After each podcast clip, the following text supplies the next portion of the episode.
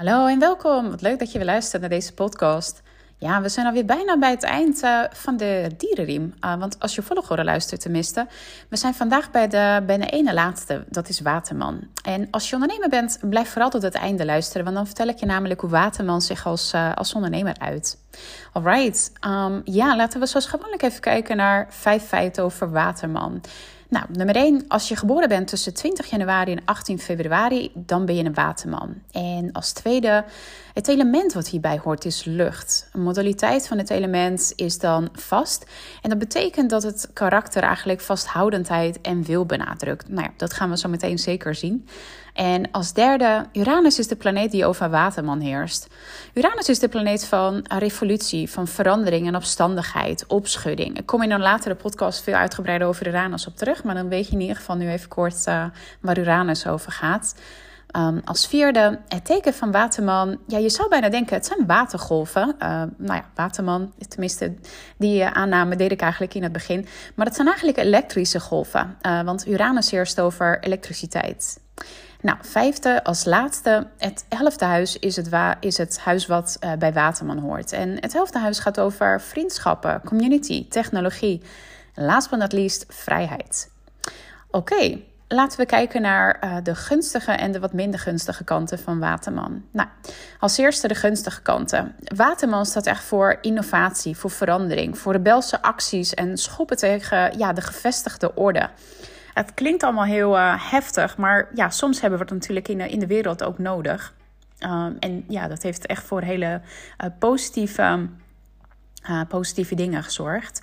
Um, watermannen kan het vrij weinig, zo, eigenlijk zo niet helemaal, um, ja, totaal niet eigenlijk. Die kan het vrij weinig schelen wat je van ze vindt. Ze hebben een ja, vrije geest en ze denken heel erg out of the box. Ze komen met ideeën waarvan ja, anderen regelmatig zouden zeggen dat... ja, dat hadden ze zelf echt never nooit kunnen bedenken. En ze doen ook niet aan anderen volgen. Ze doen lekker ja, hun eigen ding op een eigen manier. Iedereen gaat links. Ja, waarom zou ik links gaan? Misschien is rechts wel een stuk leuker of interessanter. Ik ga lekker rechts. Al ben ik de enige, maakt mij niet uit. Ik ga gewoon. En ja, ze willen dus ook daarmee ook niet in de normale wereld ja, passen, als het ware. Wat, wat, nou ja, wat normaal ook mogen zijn.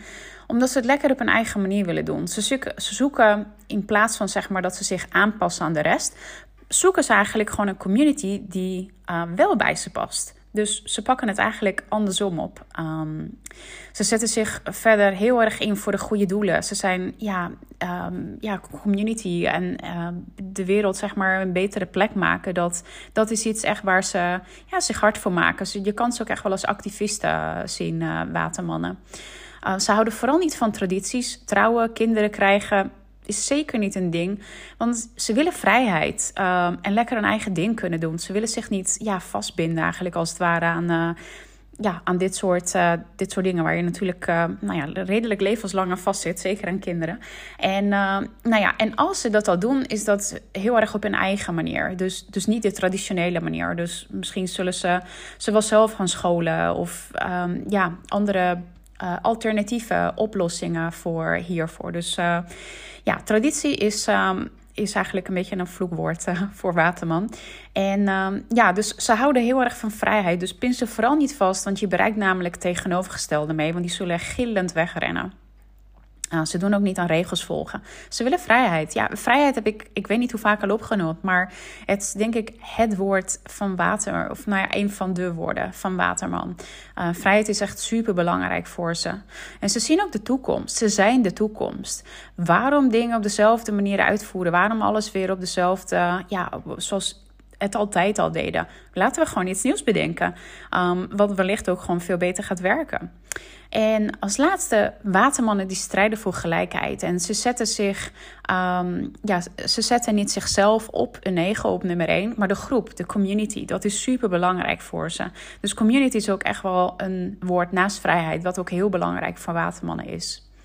Nou, en als uh, de mindere gunstige kanten van Waterman, ze kunnen ja, zoals we eigenlijk net al zagen, tegendraad zijn, rebels. En dat is soms goed, soms ook niet helemaal prettig. Uh, stel je zit in de klas en er zit er één kind steeds ja, vervelend te doen. En uh, nou ja, zit alles onder. Uh, gaat dwars overal tegenin. Ja, dat is natuurlijk ook niet helemaal prettig.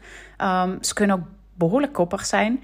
Ehm, en omdat ze dus ook veel met de toekomst bezig zijn, ehm, ja, dat heeft natuurlijk voordelen. Maar het nadeel daarvan ook kan zijn, is dat je veel anxiety kan hebben. Omdat je je zorgen maakt over ja, wat er allemaal kan gebeuren, wat er allemaal fout kan gaan.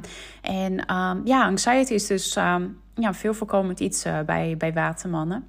En ze zitten dus ook veel in hun hoofd. Uh, en daardoor is contact maken met hun lichaam dan ook een beetje een uitdaging, omdat ze steeds um, ja, in hun hoofd zitten. En ja, omdat ze dus ze zoeken eigenlijk, ze, ze willen niet passen zeg maar in de ja, normale wereld. Dat klinkt zo, um, I don't know, alsof je een, nou ja, een box uh, eigenlijk als het ware bedenkt. Maar zij willen daar dus niet aan meedoen. Ze willen, eigen, ze, wil, ze willen eigenlijk liever een eigen ding doen. Maar daardoor kan het ook wel soms zo zijn dat ze zich juist anders voelen dan anderen. En daarmee dus ook uh, ja, geïsoleerd uh, raken. Ze zoeken dan wel een eigen community op, maar wat als je die nog niet helemaal gevonden hebt, of wat als je toch niet helemaal begrepen voelt, of wat dan ook, ja, kan isolatie of dat gevoel hebben van anders zijn toch wel uh, ja, vervelend zijn en uiteindelijk ook wel voor eenzaamheid zorgen. Nou, dat waren het korte kenmerken van Waterman. En um, ja, als Waterman je zonneteken is, maar ja, je hebt zoiets van, nou, ik weet niet wat je net allemaal opnoemde, maar dat voel ik eigenlijk helemaal niet zo of helemaal niet zo sterk. Dat is helemaal niet zo gek, want uh, nou ja, het kan komen bijvoorbeeld door het huis waar je zon zich in bevindt, wat natuurlijk ook een sterke invloed heeft hoe, uh, hoe Waterman zich uit. En als je juist dus wel in herkent in het lijstje wat ik net opnoemde, maar je zon, maan of ascendant die zitten dus niet in Waterman. Dan heb je wellicht een aantal planeten die zich in het helfte huis bevinden. Uh, en het helfte huis hoort dus bij, bij Waterman. Nou, en uh, vanuit mijn eigen ervaring, uh, ja, mijn leeuwenzon die zit in het helfte huis wat dus bij Waterman hoort. En ik heb daardoor heel veel eigenschappen van Waterman. En zodra ik hier eigenlijk erachter kwam, begreep ik ook gewoon... Ja, waarom heb ik me dus nooit echt een leeuw gevoeld? Um, en ja, voor mij is um, altijd met de toekomst bezig zijn... Um, is echt wel een, een, dingetje. Waardoor ik dus ook heel veel last van anxiety heb gehad. ik heb bijvoorbeeld ook nooit willen volgen. Zeker ook niet op school vroeger. Um, tradities zijn ook absoluut niet mijn ding. Uh, trouwen heb ik eigenlijk nooit iets mee gehad. En ik heb ook zeker geen kinderwens. En ja, ik heb me ook eigenlijk altijd anders dan anders gevoeld. Altijd, ander, altijd uh, ja, anders dan anderen. Vooral in mijn jeugd heb ik hier eigenlijk best wel veel last van gehad. En juist in je jeugd wil je eigenlijk ook ja, het liefst normaal zijn, bij de rest kunnen horen. Dus dat maakte dat ik me eigenlijk ja, best wel vaak eenzaam voelde. Een beetje ja, van de buitenwereld verwijderd uh, voelde. En um, ja, ik was ook eigenlijk altijd eerder dan de rest uh, in, in mijn omgeving met nieuwe dingen uitproberen. Dus ja, dat kon de rest eigenlijk ook niet helemaal begrijpen. Die vonden mij dan een beetje gekkig of zo. Zoals bijvoorbeeld, nou ja, astrologie, dat ik er als eerst mee kwam in 2020. Die had ook zoiets van, huh, wat is dit nou weer voor haar? Um, of dat ik bijvoorbeeld met een orticulair therapeut ging werken. Uh, aan mijn gezondheid. Nou, dat werd ook een beetje gekker gevonden. Of dat ik coach wilde worden, dat ik wilde ondernemen.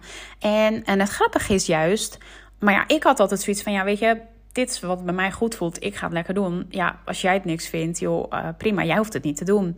En het grappige is juist, nu dat ze zien dat het dus wel uh, goed, uh, ja, goed heeft uitgepakt, komen ze juist naar me toe met astrologie bijvoorbeeld, vragen over een eigen chart of mensen met wie ze aan het daten zijn, dat ze daar advies over willen hebben. Um, zijn ze zelf ook bijvoorbeeld aan de slag gegaan met een orthomoleculair therapeut, blijft een moeilijk woord. Um, en overweegt ze zelf ook om te gaan ondernemen. Dus ja, zo gek kan het dus ook lopen. En, um, en momenteel, wat, um, ja, wat voor mij nu heel erg sterk aan Waterman-energie is, is dat. Uh, ik zit dus in de progressieve maan in Waterman. Hier kom ik nog uitgebreid op terug. Want de progressieve maan is ook iets wat ik bij readings ook altijd in de gaten hou. Want het heeft namelijk een heel um, sterk invloed op, ja, op je leven. En dat is een fase van 2,5 jaar. En het bizarre is, sinds namelijk maand 1, dat dus de progressieve maan in Waterman stond, stond ik ineens wel open voor ondernemen. Terwijl ik het daarvoor echt doodeng vond. Want nou ja, dagzekerheid en dagvaste baan. En Uranus is me ook de laatste tijd iets meer ja, aan het uitdagen om echt mezelf te zijn. Mezelf te durven laten zien en, en horen. En ja, me niet meer dus als het lieve meisje ook te laten zien. Dus dat is nog even een journey waar ik nu doorheen ga. En ik vind het super spannend. Ik vind het zwaar uit mijn comfortzone. Maar mijn motto is, uh, ja, feel the fear and do it anyway. Nou, en als ondernemende waterman zien we ook vaak dat ze ja, heel erg uit of de box denken. Ze zijn bereid om nieuwe dingen uit te proberen, uh, risico's te nemen. Uh, dus het risico te nemen of iets wel of niet goed uitpakt. En nou ja, daar uiteraard ook weer van leren, dan weer aanpassen totdat het dan uh, iets wel gaat lukken. Ze hebben een, een genius mindset. Ze zijn heel ja, innovatief en ook inventief daarmee. Waterman wordt, wordt ook echt wel als uitvinder gezien. En ja, ze denken in mogelijkheden. Ze zijn heel rationeel bij het besluit nemen, of sorry, bij het nemen van besluiten.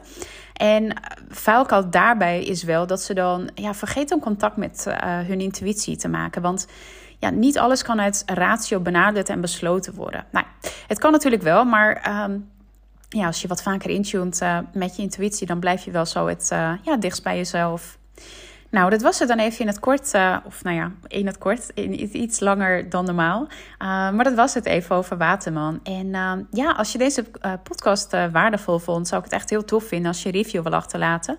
Um, als je de, bij ratings dat je de 5 sterren review geeft, dan kunnen namelijk anderen deze podcast sneller vinden. En um, ja, kunnen anderen ook meer over astrologie leren. Nou, super bedankt voor het luisteren en uh, tot de volgende keer. Want dan gaan we namelijk hebben over uh, de, het laatste sterrenbeeld. Uh, maar definitely not least, en dat is vissen. Nou, voor nu een hele fijne dag. Doeg!